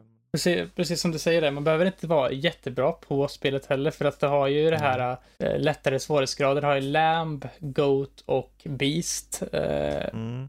på, och på Lamb och Ghost, eller på Lamb och eh, Goat så har det ju också att om du dör så kan du eh, återuppstå på banorna. På Goat mm. kan du återuppstå två gånger och på Lamb kan du återuppstå tre gånger. Eh, vilket gör att du lätt kan liksom, det behöver, det behöver inte vara lika frustrerande på samma sätt mm. kanske. Och du har, kan, kan, kan, inte, kan inte finnas en nivå som heter Pathetic som inte har rytmikbiten, att jag bara kan skjuta saker och ting? Då spelar du Doom FPS. istället. Ja, det låter mycket bättre. Nu är jag inne på, nu är jag helt med. Men, du på äh, lägsta så är det typ så, du kan missa lite. Jag kommer missa allt. Men eh, du har också massa typ så här eh, på livspåföljningskristaller och liknande som du kan skjuta för att få tillbaka liv. Så mm. och när du, och fienderna kan också, om de blinkar rött typ så kan du göra så här finishers på fiender så att du också får tillbaka liv. Det är, det är Doom, jag hör ju det. Ja, ja det är väldigt Doom-inspirerat. Det är ju väldigt så här att... Ja, men det är väldigt uh, snällt tycker jag. Det var väldigt ja. snällt för att vara ett taktspel. För jag testade så här BPM och annat, men det var så jäkla hardcore. Jag är inte Den här var det så här, jag kunde bara hoppa in och köra. Och visst, jag, jag har lite takt, men det kändes som att ja, men jag kom in i det här ganska lätt. Och sen att den har massa coola vapen, så här Murder of Crows och The Big Goodbye och allt vad de heter. Det adderade hela till. Ja, alltså det är ett nivå. spel som antingen, det kan vara väldigt casual om du vill, eller så kan det vara väldigt hardcore om du vill, om du vill liksom köpa svåraste svårighetsgraden och få high score på alla banor liksom. Det är lite vad det gör typ. Lakta i takt. Ja. Ja, jo, precis. Det, så kan man ju också se på det hela. Eh, men Jesper, vi kan ju ta och prata lite grann lite RPG. Yes. Uh, The Legend of Heroes Trails in the Sky Second Chapter. Ja. Vilket är den, den andra uh, spelet i serien där. Ja, andra spelet är en ganska lång nu eh, JRPG-serie från Falcom. Eh, de har gjort, det finns ju då Trails in the Sky, Trails from Zero, eh, uh, Trails of Ashore och Trails of Cold Steel. Och, uh, alla de här utspelar sig då i samma universum. Och jag, har, jag påbörjade Trails in the Sky, första kapitlet, för, uh, vad heter det, mm, typ två år sedan, men jag blev aldrig klar med det. Men bara för några veckor sedan jag behövde bestämma mig för att, ja, jag är typ, jag tror jag var på typ så här, sista kapitlet i spelet. Varför kör jag inte klart? Sen bara på slutet bara, extremt stort plot twist, eh, som fick mig bara, vad är det nu som händer här? Va? Det här, det här var inte någonting jag väntade mig, nu måste jag köra vidare. Så då skaffade jag ju Trails in the Sky Second Chapter. Och eh, då, ja, om man tar så här, eh, om man pratar om serien i sig, det handlar om två syskon egentligen. Eh, eller typ syskon, en inhemsk bror och hennes eh, syster. I första spelet, eh, då är Joshua, Joshua och Estelle heter de. Eh, deras uppdrag i första spelet är att träffa, eller hitta sin pappa som har försvunnit, eh, som är en eh, hög befälhavare i Liberl, som är den här världens, eller det här landets namn de bor i. Och det är väl ungefär vad det första spelet går ut på. och andra spelet går ut på att det händer en sak med Joshua i slutet av första spelet som beror på att den här personen är inte riktigt vem man tror det är kanske. Lite. Eh, och liksom din, din resa blir att du spelar som Estelle och ska leta reda på vad Josh har tagit vägen och återförenas med honom i princip. Och på vägen möter du på The Ouroboros Society. Eh, och de här är eh, typ eh, en mystisk kult typ som eh, ställer till det för dig. Eh, och Ouroboros då är ju en symbolik för så här, oändlighet, eller vad man ska säga något sätt. Det är typ när två ormar biter varandra i svansen, eller en orm biter sig själv i svansen är väl typ symbolen. Och det är er som har spelat Xenoblade 3 vet ju vad Ouroboros är.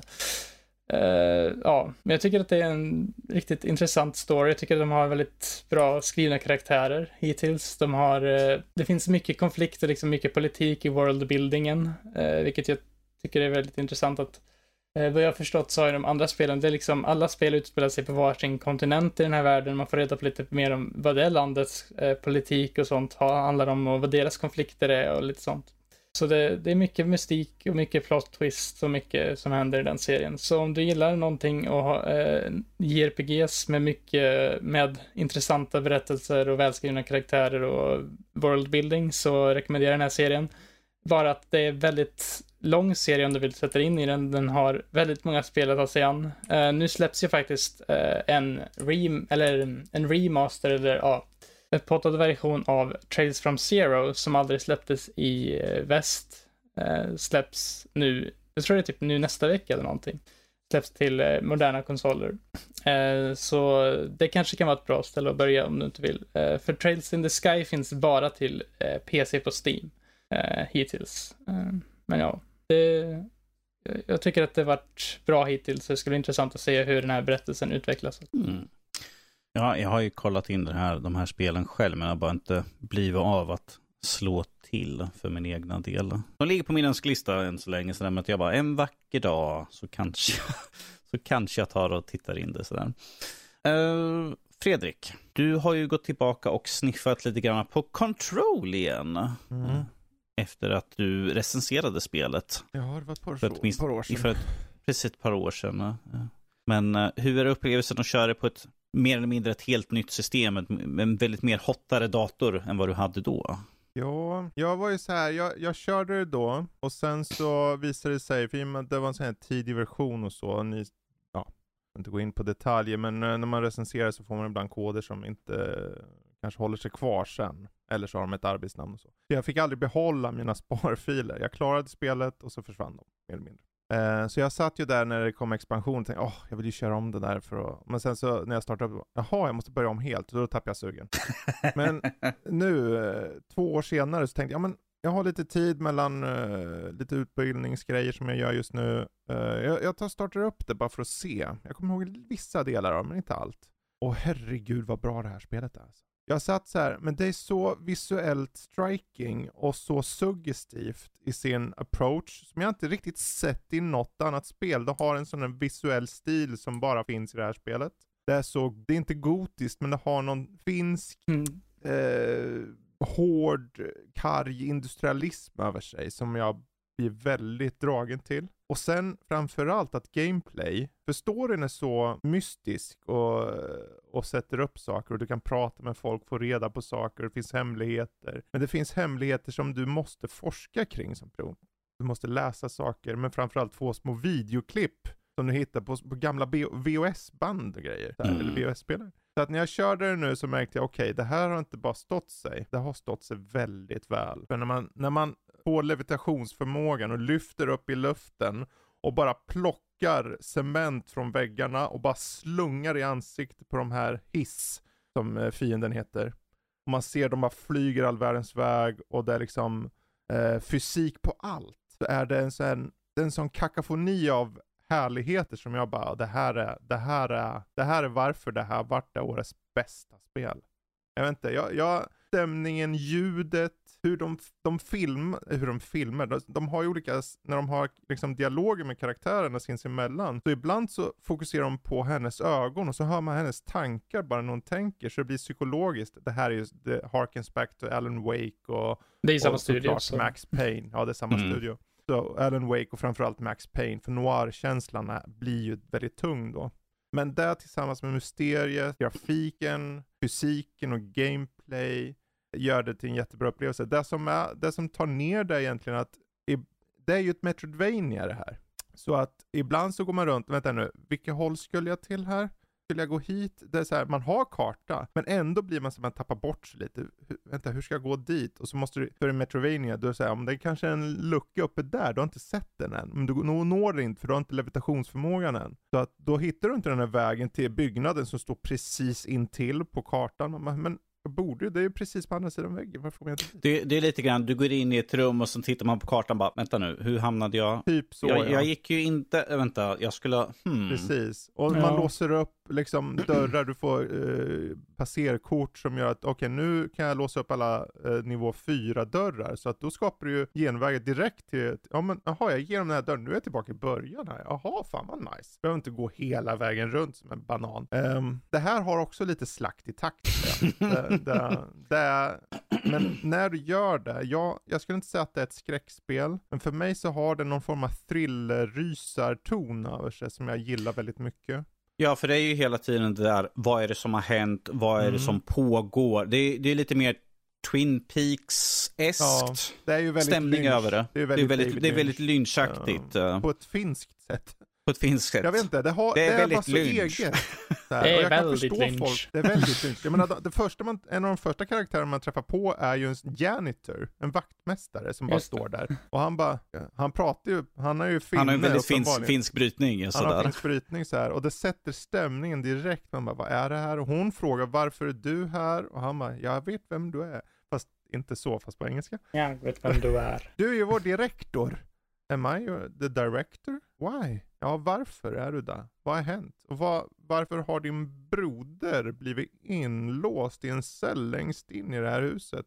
Ett hus som har, är levande på vissa sätt, mystiskt. Jag älskar det eh, för vad det är. Det, det, är inte perfekt så, det har några brister, men jag tycker det är ett spel värt att återupptäcka.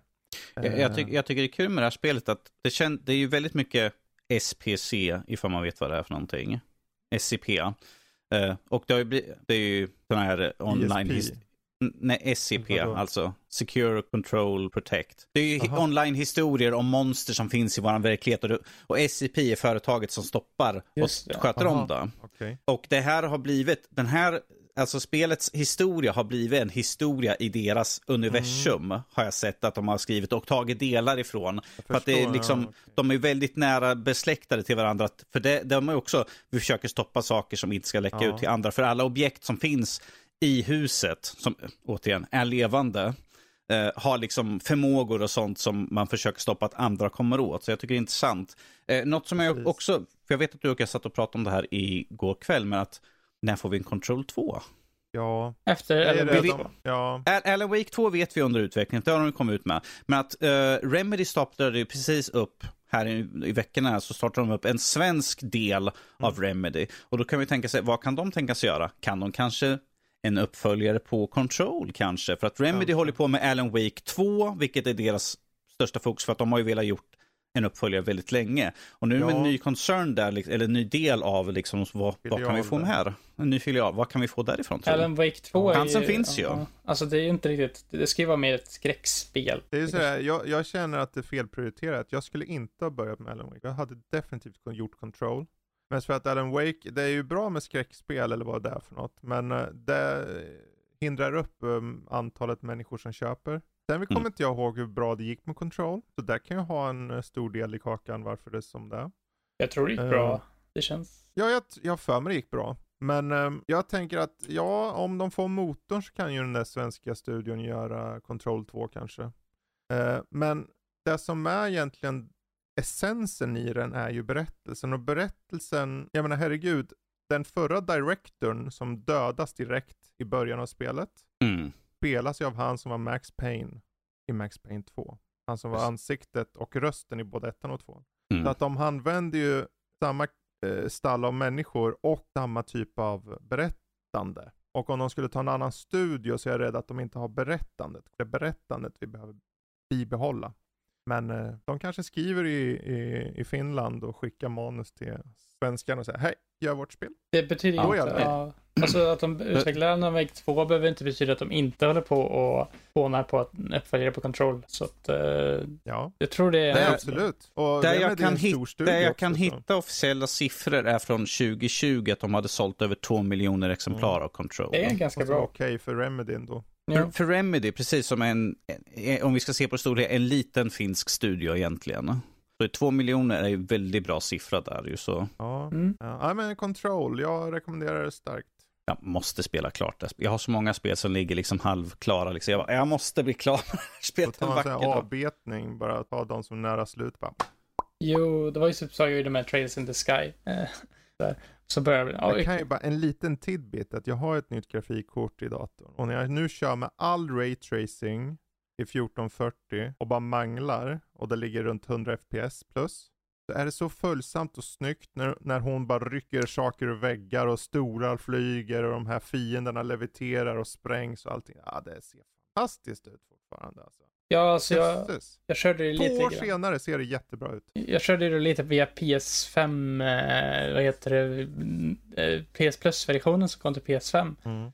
Eh, och det har ju också den här, det är ju både väldigt snyggt och liksom så, miljöerna och sånt, men också att eh, det har ju även den här extra grejen med uh, dual sense uh, haptiska feedbacken som de har lagt till där som ger extra mycket till uh, känslan av uh, liksom att du leviterar och mm. att du liksom lyfter objekt med din, ja. Mm. Det, det, man får ännu mer liksom in, immersion i spelet mm. med den tycker jag. Ja, de karaktärerna med Jessie som den här kvinnan du kör som. Mm. Det är en skön, hon är en stark tjej som, som vet vad hon vill, fast hon vet inte vad som händer, fast hon vet vad hon vill. Ja. Det, ja. det är en stark, jag får, jag får, ju också, jag får ju också se, det är intressant för att jag körde ju spel på min Xbox One mm. när det begav sig. Så nu har jag ju Series X och liksom köra på lite snabbare laddningstid. Finns det en uh, Series X-patch på det eller? Det har jag ingen aning med. Det borde det finnas. I och med att de släppte den här uh, specialutgåvan uh, Ultimate Edition så kanske. Just det, mm. det kan ja, jag Ja, för den, den, den står ju Xbox Series X på Ultimate mm. Edition så det kanske finns att standardversionen också har fått en patchning för Series ja, X. Så ja. då kanske jag får lite bättre flöde på min. Jag kom på, jag kom på hur det var faktiskt och det är ingen bra nyhet för dig tror jag förresten. För att eh, jag tror att det var en väldigt stor kontrovers när det kom att de inte hade det som en uppgradering. Utan det måste du köpa, Ultimate Editions med uppgraderingen då, måste du köpa för mm. fullpris igen. Uh, om jag minns mm. rätt. Jag tror Just det var... Det, den Ultimate är ju exklusivt i Series X. Ja, exklusivt. Samma sak med PS5 och det var ju PS5 Ultimate Edition som jag körde via PS Plus då. Mm. Uh, som kom då 2020 tror jag. Uh, och det var ju, jag tror, jag minns att det var lite så här ramaskri om det när det kom att varför gör de det liksom så som de gör, men ja. Ja, det är väl bara att testa, för den ska ju finnas på Game Pass, men jag vet inte vilken version. Det är, det är ju säkert. Jag skulle gissa mig att det är standard. Nej, alltså det var, jag tror det borde vara Ultimate då. Jag tror att det kom på Game Pass samtidigt som det kom på PS Plus ungefär. Ja, för jag tänker, det är ju ingen idé att ha Game Pass på en Xbox Series X om du inte kan köra spelet. Ja. Mm. Antar jag. Ja, ja. Nog om mig, gå vidare. Ja, jag säger bara så här att jag tittar nu inne på för priset för den. Alltså den ligger på 159 för Ultimate Edition ändå. Så det, det, det, är, rabatter, det, det är rabatterat hälften just nu i alla fall. Så att det är typ 100, säg 150 spänn så det är inte så mm. farligt för jag ska vara nöjd att betala för en ny utgåva på den Precis. biten då ju så. Precis, och då får du med alla expansioner Precis, Alan Wake. Eftersom det, eftersom det, eftersom det, jag har liksom sparfiler och allt sånt överflyttat till min serie 6 skulle det inte vara något problem där i så fall. Men om vi hoppar vidare här så ska vi se vad vi har. Jag kan ta vad jag har utöver. Jag har haft eh, mycket tillbehör som jag gjort på sistone. Jag har haft två stycken eh, kontroller som jag har testat på. Eh, och jag har ju då suttit och lekt med min PS5 då. För att det var PS4. Den senaste var en PS4-kontroll och då har jag suttit och kört igenom Uncharted Lost Legacy för att det är en som jag haft, det spelet har jag haft liggande länge på som jag för väldigt länge sedan så påbörjade jag att köra om alla Uncharted-spel. Jag körde igenom 1, 2, 3 och eh, Lost Legacy var den som är kvar. För att uh, Uncharted 4 körde jag och Fredrik igenom en sommar tillsammans då på hans konsol. Så då blev det liksom för mig nu att faktiskt sitta och leka med en handkontroll, PS4, som det är en PS4-utgåva av spelet. Men jag tyckte det var lite kul för att det är ju inte att man kör ju inte med uh, Nathan Drake, utan man kör ju med Chloe och uh, Nadine. Vad heter Nadine, precis. Eh, och det är ett helt nytt äventyr som utspelar sig i Indien. Eh, där man letar efter en eh, man letar efter en bete, en avhuggen bete från en av de indiska gudarna. Och det, jag tycker det är kul för att det är ett rätt kort spel.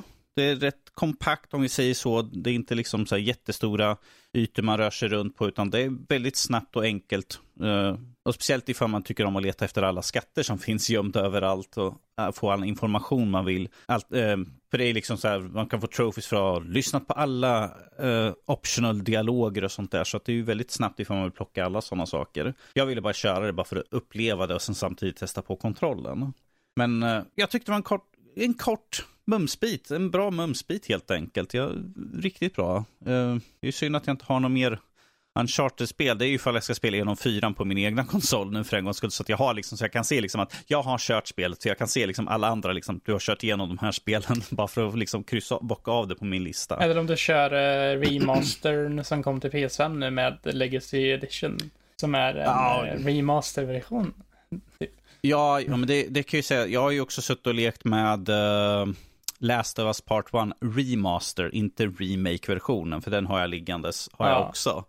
Men att jag tänkte så här, jag kan köra remastern istället, för den har jag redan, istället för att lägga ut 700 spänn för en remaken. Sådär. Visst, ja, för jag, jag, jag recenserade, ja, men jag, jag recenserade uh, Last of Us Part 2. Så jag vet ju vad, hur det flyter på, hur bra. Men att jag tänkte, jag har det här redan så jag kan lika gärna ta och köra om det igen. För att jag har kört, originalet kör, har jag ju kört igenom. Mm. Uh, men nu kan jag köra remastern. Sen kanske en, en, en, snar framtid kan jag ta remaken också bara för att säga att jag har kört igenom alla tre versioner. Så. Jag är lite så jag känner med remaken också. Att jag kanske tänker att man kanske kan skaffa den någon gång, men kanske inte just nu till fullpris när man redan har en remaster som flyter på i 60 FPS. Liksom. Ja, hade det varit att man aldrig hade kört och liksom är ny för serien, ja. då kan jag väl då säga då kanske det är värt att ta det. Men att det som, jag har redan kört det eh, och nu tar jag liksom remastern för jag det är ju samma story beats ändå. Det är bara liksom, det är mer följsamt. Jag märker ju liksom på den här remastern, jag bara, oh, de här bitarna, oh, jag hoppas de har fixat de sakerna i remaken, för det här är inte bra. I alla fall AI som är ibland väldigt dum. Man ska, jag bara, ska smyga mig förbi för att ta och hugga den här klicken. Varför tar hon och sitter iväg? Flytta på det. Jag kan inte gå förbi henne. Ja, fine, jag får väl klättra över henne istället, för att AI är lite dum i huvudet ibland sådär. Det ska de ju ha fixat mm. i remaken. Jo, jo, jag vet. Jag, jag har ju suttit och kollat massvis på när de visade upp de här ny, att de hade tagit liksom AI-systemet från uh, Part 2 och de visar upp klipp hur, hur AI tänker fungerar med liksom sån här cone of vision och sånt. Och jag bara, ja, fine, det kan vara skönt och bra. Men Uncharted Lost Legacy gött spel. Skulle önska de hade fler sådana. Jag har ju också Last of Us Part 1, det här DLCn som är där också. Så där kan jag också Left köra. Behind. Mm. Left Behind, det finns ju också, den ingår ju i remaster-versionen också där ju så. så då har jag lite grann att leka runt där.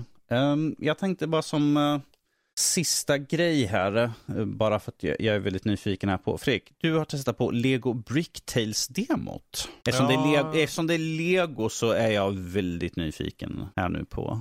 Ja, det här är ju Thunderful som släpper och det är gjort av en, studie som heter, en utvecklare som heter eh, Clockstone. Så det har ju ingenting med, de de andra kändare spelen. Mm. Nej, det står Lego, jag bara, Lego, yes. Ja, eh, det här är små, det är ett litet äventyr. Jag har ju bara som sagt kört demot. Så det är ett mm. äventyr, du har en, en liten gosse som träffar sin uh, typ morfar och morfar säger men du, du behöver ta dig ut i världen och hjälpa till med saker och ting. För uh, den här portalen här uppe, den leder ut till en plats, jag vet inte vart, men gå upp i portalen, portalen så tar du vidare. Och vips så går du till en portal och hamnar i en värld, legovärld. Mm. Du är hela tiden på legovärldar. Men, och de här världarna är egentligen dioramas, kan man säga. Så, okay. Lite dioramaaktiga.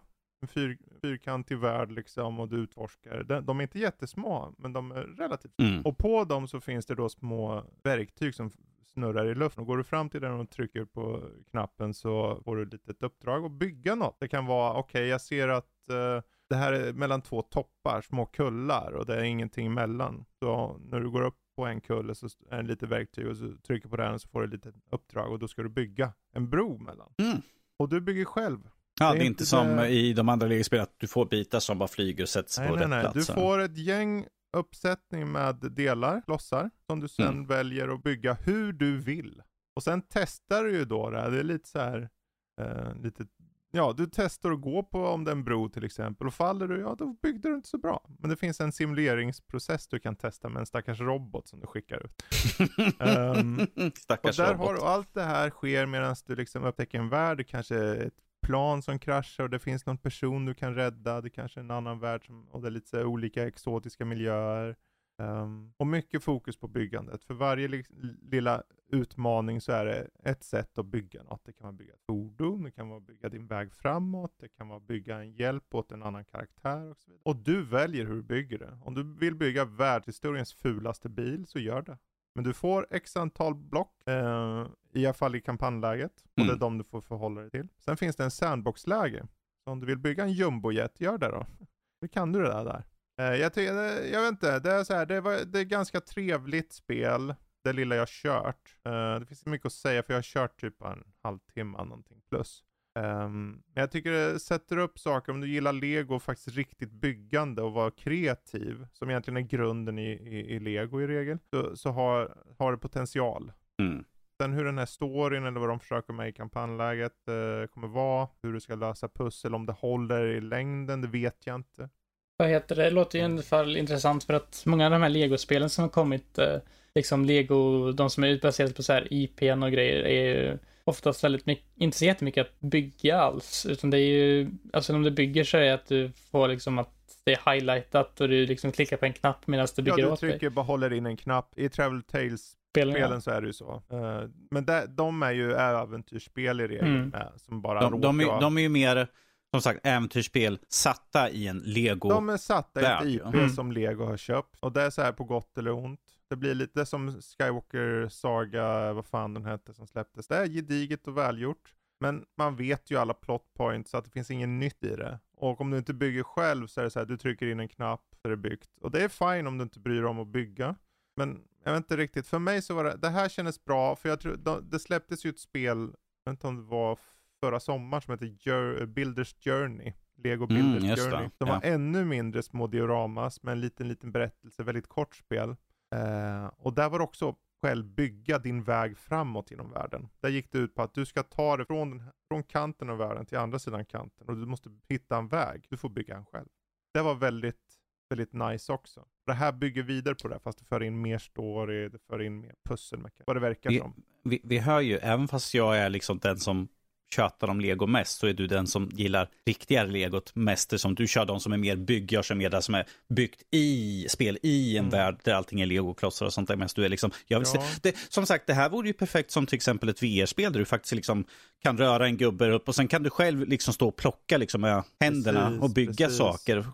Ja, det enda som är, det, det, är just själva byggandet. Jag körde först med handkontroll och det funkade okej. Okay. Det var inte mm. perfekt. Mm. Och jag körde med mus tangentbord och det funkade okej okay, men inte perfekt. Så jag hoppas det slipas på. Det är ju såklart mm. en demo här... som inte har släppts än. Alltså spelet har inte släppts. Ja, nej, precis. Det är bara det att just det här med att se saker i 3D, alltså i tredje person tredje planet, håll, och du ska ja. flytta objekt och det ska vara under en sak och över och höger och vänster. Det är lite svårt. Men eh, jag tror man kan få in det ganska bra. Sen får vi se om det faktiskt håller som sagt. Det är ju 12 oktober släpps det här. Så det är inte så lång tid kvar. Det var inte långt. Mm. Det var inte lång tid kvar. Nej. Måste vi se fram emot det. Um, Jag sitter Riva och Trailout också eller? Trailout? Uh, ja, du kan ta Trailout ifall medan vi är på gång sådär. Det... Har, om någon av er där ute har kört Flatout, det här bilspelet yes. där man liksom flyger fram och låter sin gubba flyga genom framrutan och du ska liksom bara köra typ race och bara knuffa folk. Trailout är samma spel. Rakt av plagierat. Det är rakt av samma spel. Det har samma fysik, det har nästan samma banor och samma estetik. Är det samma utvecklare? Och samma... Nej. Oj. det är inte samma utvecklare. Det är ryska utvecklare. Oh. Vilket märks, för de har fört in, de har fört in ett storyläge i det här. Och då spelar du en ryss som, eh, jag kommer inte ihåg vad han heter, Michail förlåt. Men eh, han ska i alla fall liksom klara av att vinna alla race och tjäna pengar och uppgradera bilar. Eh, och han får lite extra pengar för han har ju såklart en mobil som man kan titta på och då ser du i bild, han tittar på mobilen samtidigt som mobilen visar upp honom för att han filmar sig själv i en selfie. Och så får han likes på det. Och du ska få ganska mycket likes för att få lite extra cash. Det är en sån här mini-mini-spel i spelet. Ah. Mm. Så de, försökt, de har tvingat in så här något kampanjläge. Och det, det är styltigt och lite tuntigt. Tack och lov, i och med att det är plagiat av Flatout, så har det bibehållit fysiken. Det har bibehållit nästan bilarnas utseende. Till och med är de olika karaktärerna ganska liknande i namn. Jag vet inte riktigt hur de kommer undan med det här, men Flatout är ju dött, så jag antar att det är därför. Kanske inte kommer undan nu efter du har sagt det här i podden, så hittar jag Ja, kanske det. Eh, det kostar typ 16 euro, det är inte så dyrt. Och det har ganska mycket banor. Det är så här Destruction Derby, det är varvbanor och allting i bilar som är, det är väldigt arkadigt. Du kan knuffa andra bilar och du ser liksom hur de knycklas ihop till små konservburkar. Eller bara knuffa dem så att deras förare flyger ut genom fönsterrutan. Um, och det är tillfredsställande precis som Flatout var, det är bara att det är nytt. Det är eh, lite janky i vissa saker, uh, lite så här iffy vad gäller just eh, den här berättelsen, eller vad, vad tusan de vill ha. Men om ni gillade Flatout och ni tänker, jag måste ha mer Flatout. Ja men ta kolla in Trailout då. Det är typ samma sak. Ja, och det är Trailout. Ja. Mm, kort och gott. Kan du inte göra någonting själv? Rippa av någonting annat. Mm. Bästa, bästa grejen liksom. Yes. Um, är, är, är det någon som känner att de vill ta upp någon sista sak? Jag kom på en sak här som jag skrev in som jag tänkte ta förra veckan. Eh, Jaha, okay. Jag såg igenom Cyberpunk Edge Runners på Netflix. Eh, Cyberpunk 2077 anime-serien som är av eh, Studio Trigger. De som gjorde bland annat Gurren Lagann och Killa Kill och några Star Wars Visions avsnitt och lite sånt. Det här är en, eh, det är en den är egentligen satt i, den är satt i Cyberpunk 2077-världen. Det är eh, manusförfattare och sånt från eh, CD Projekt Red som har varit med och hjälpt till. Eh, spelen handlar, eller serien då handlar om David, en, eh, vad heter det, netrun, eller han är en netrunner tror jag det är. Netrunner. Netrunner heter det ja. Eh, och han, hela serien börjar med att hans mamma dör i en trafikolycka och han träffar på en tjej, hon är också en netrun, eller vad är, är hon netrunner? Eh, Lucy. Uh, och uh, deras, serien handlar då om hur deras, uh, vad heter det, relationer utvecklas under tid och liksom eh, hon eh, tar in honom i en sån här dreaming-sekvens som ni minns det från eh, Cyberpunk-spelet när man kan liksom så här dröm, drömma sig bort till något annat. Och eh, de drömmer sig bort till att de åker till månen. Och hela serien går egentligen ut på att Lucy och David ska då eh, åka till månen tillsammans. Eh, de ska fly från Night City och dra till månen för det är ett bättre liv där liksom. Eh, det här är en väldigt gory serie. En väldigt gory anime med väldigt mycket splatter och uh, mycket specialeffekter. Extremt snyggt animerad tycker jag. Den är väldigt väl gjort på det sättet. Jag tycker att den, uh, ja, jag tycker att den rent igenom är väldigt engagerande och man känner verkligen för David och Lucy. Man vill att det ska gå bra för dem och liksom, ja, det är en ganska kort serie runt 10 avsnitt lång och jag rekommenderar verkligen den om ni är intresserade av Cyberpunk eller av Studio Triggers tidigare verk, för den är riktigt bra tycker jag. Och eh, jag vet att den här mm. serien har ju då fått att Cyberpunk 2077 har skjutit i spelarsiffror. Eh, mm. Liksom, det är blivit ganska, alltså, alltså folk som inte har varit intresserade av Cyberpunk tidigare har plockat upp spelet nu tack vare den här serien. Eh, vilket jag tycker är lite kul. Det har fått en jätteboost. Jättestor uh, Det är ju tredje mest bästsäljande spel just nu. Ja, och det är allting egentligen tack vare Cyberpunk, eller det mesta i alla fall, ja. tack vare den här Netflix-animen Cyberpunk Edge Runners egentligen. Eh, tror jag. Precis. Det är nedsatt de, pris där på grund av serien också tror jag. Att de har valt att ta ner priset. Ja, och sen ska de ha en DLC eller, 2023 också tror jag. Så, ja, just det. Ja, det blir lite sugen faktiskt på att sätta den här serien att jag kanske vill köra om Cyberpunk någon gång i framtiden nu när det har blivit mm. mer patchat och på en annan, eh, så här, eh, en annan bakgrund. Jag körde ju bara på Nomad när jag körde. Ja, okej. Okay. Kanske någon gång i framtiden. Jag tycker ändå att uh, det är intressant. Får fråga Max där om uh, lite ja. tips. Han kört igenom det typ åtta gånger tror jag. Ja, ja. ja men det är ja, i alla fall uh, Cyberpunk Edge Runners. Uh, värd att kolla in och den finns på Netflix då. Uh, I tio avsnitt på typ 25 minuter vardera. Så det går ganska mm. fort att ta sig igenom den. Men så korta alltså? Ja, det är ju typ anime-avsnitt är ju mycket kortare än till exempel en eh, typ Lord of the Rings. 10 minuter? Nej, eller? inte 10, 25 minuter. 25 det är 25 okay. minuters avsnitt, men det är eh, 10 avsnitt.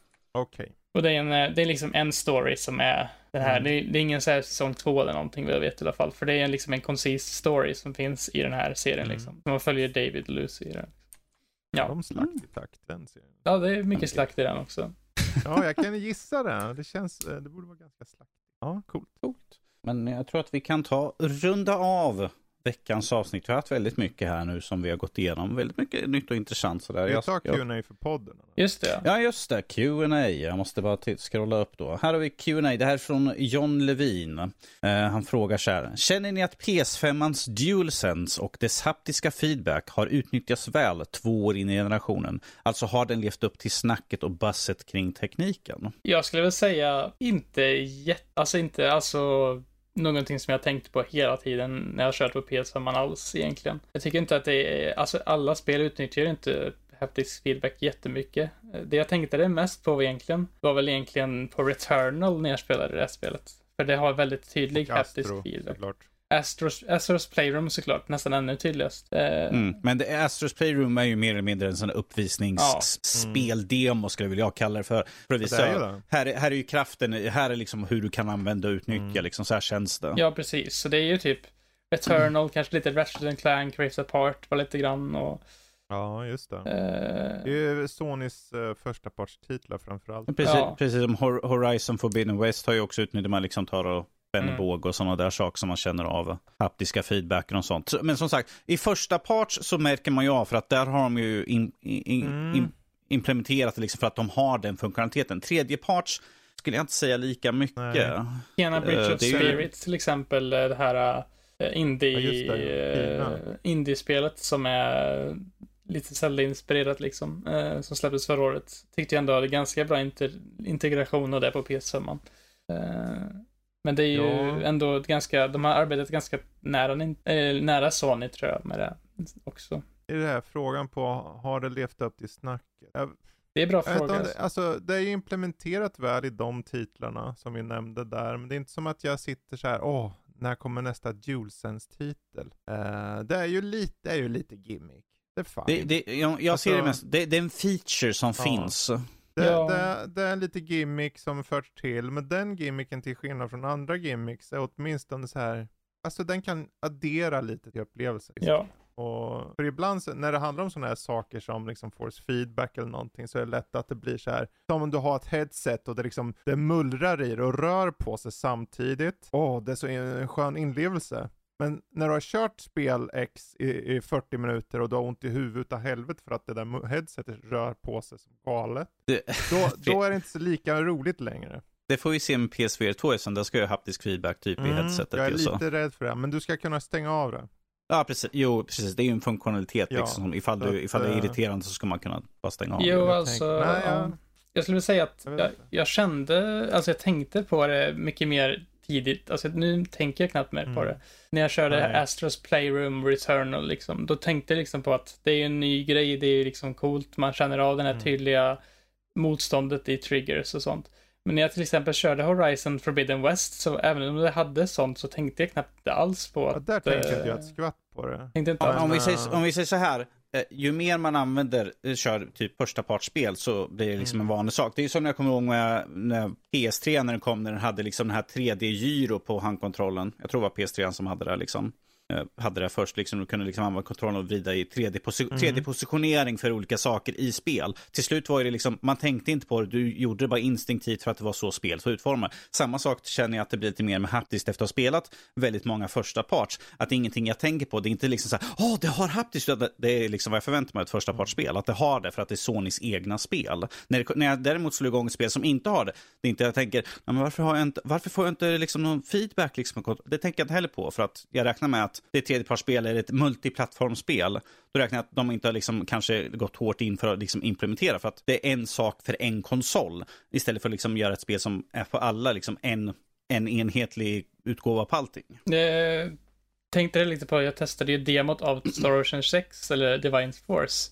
Eh, mm. Och då kände jag, då fanns det faktiskt lite haptisk feedback i den, vilket jag inte riktigt hade väntat mig. Så när jag, när det, någonting som jag inte hade väntat mig kanske har liksom haptisk feedback. För jag tänker ett sånt, liksom lite nischat JRPG, liksom, eh, en demo på det liksom. Eh, det, det kanske inte är jättenischat, men det kanske inte är den största serien heller, om man säger så att det hade det liksom, då tänker man ju ändå på att det finns ju där, men när det liksom är första partsspel som man spelar och man, man vet att man ska få det, så det är inte något man liksom tänker på under innan man spelar känner jag.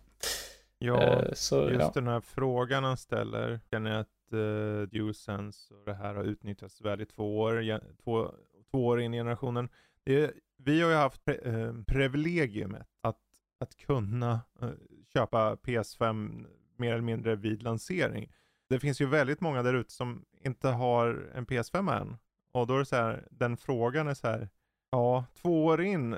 Det bästa hade varit om fler hade ens haft konsolen två år in. Mm. Eh, till att börja med. Men det är så här, om den har levt upp till snacket. De få som har kört det kan nog säga precis som er att ja men det, det, den har sin, när man väl är van så är det så här, ja men nu har den det här i det här spelet. Sen tänker man inte på det och that's it. Jag tror det också kan vara till dess för, alltså liksom att att man inte tänker på det och den ändå finns där kan vara till dess fördel också för att då gör den ju sin funktion ändå för att om man hade Absolut. tänkt på det hela tiden så hade det mer varit en störmoment mm. egentligen av spela, själva spelandet. För Tack. spelet i sig ska man ju inte, man ska inte behöva tänka på kontrollens funktioner hela tiden när man Nej. sitter och spelar tycker jag ändå. Så att, ja. Om man implementerar det väl i de spel som det är fullt. Ja, precis. Mm. Ja, det är väl det, är väl det kortaste och enklaste svaret vi kan hänga på den igen. Mm. Egentligen sådär. Men med det sagt så tar vi och rundar av veckans podd, säger jag nu för andra gången. Det är ingenting jag har glömt nu i alla fall. Så ja, det... förutom Discord-frågan då. Ja, ja, Discord-frågan, den har vi också så här. Se fram emot när Fredrik tillbaka som värd igen, för då ska jag se till ifall han glömmer någonting. och Discord-frågan kommer ni kunna hitta dagen som den här släpps. Och frågeställningen kommer vara, kommer ni skaffa nästa generations grafikkort? Nvidia 40-serien eller, jag kan inte förkortningen RDNA 3. RDNA 3. Ja. Alltså AMDs nästa. Precis. Uh, för att väldigt många kanske, jag sitter liksom på 3060 så att jag känner, för min personliga del så är det liksom, mm, uppgradering, nej, jag kan nog vänta ett tag. Men att frågeställningen är ju till er lyssnare och ni som är inne på vår Discord.